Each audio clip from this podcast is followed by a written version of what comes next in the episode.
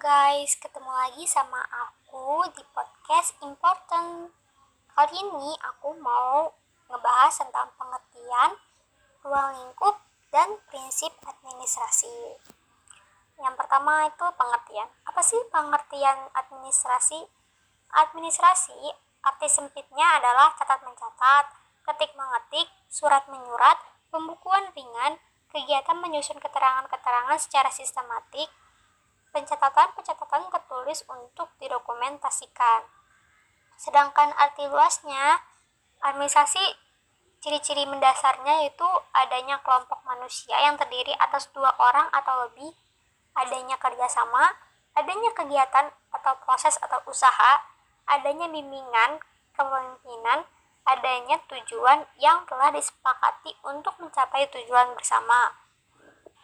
Menurut Herbert Simon, Administrasi dapat dirumuskan sebagai kegiatan-kegiatan kelompok kerjasama untuk mencapai tujuan-tujuan bersama. Sedangkan menurut Ledergulik, administrasi berkenan dengan penyelesaian suatu hal yang hendak dikerjakan dengan tercapainya tujuan yang telah ditetapkan.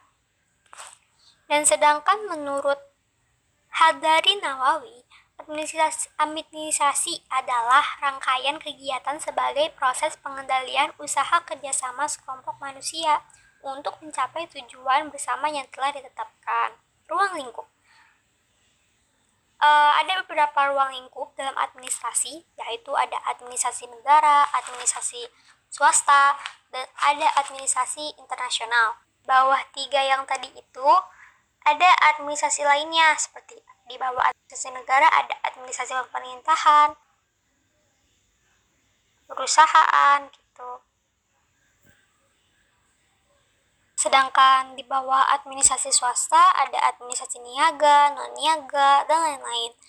Begitu juga di administrasi internasional ada niaga, non niaga, dan WHO, UNESCO, dan lain-lain.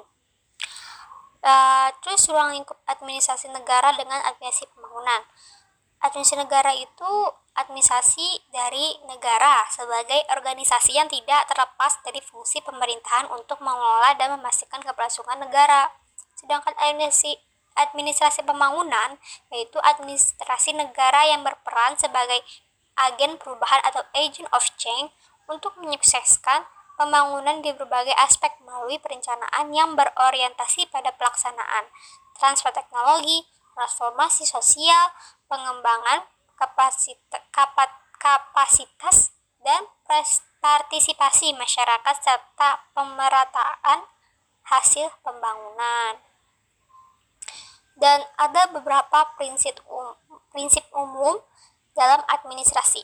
Yang pertama yaitu pembagian pekerjaan, kewenangan dan tanggung jawab, disiplin, kesatuan perintah, kesatuan arah atau tujuan, penggajian, prakarsa, tata tertib, keadilan, skala hierarki, hierarki, mendahulukan kepentingan umum daripada individu, solidaritas antar kawan sekerja, stabilitas daripada jabatan, dan sentralisasi. Nah, prinsip administrasi itu tidak absolut atau kaku, gitu, tapi ia bersifat fleksibel gitu. Jadi menyesuaikan situasi yang ada berdasarkan adanya pengetahuan, pengalaman, keputusan, dan keseimbangan. Dan ada prinsip dasar yaitu 3M. Dari menyusun dalam menyusun yaitu rencana catat rencana, catatan harian dan laporan akhir. Mungkin itu aja yang aku bisa share ke kalian selebihnya kurang lebihnya mohon maaf kalau ada perkataan yang belibet-libet. Karena aku juga masih belajar ya kita juga masih sama-sama belajar. Jadi bye guys. Terima kasih sudah mendengarkan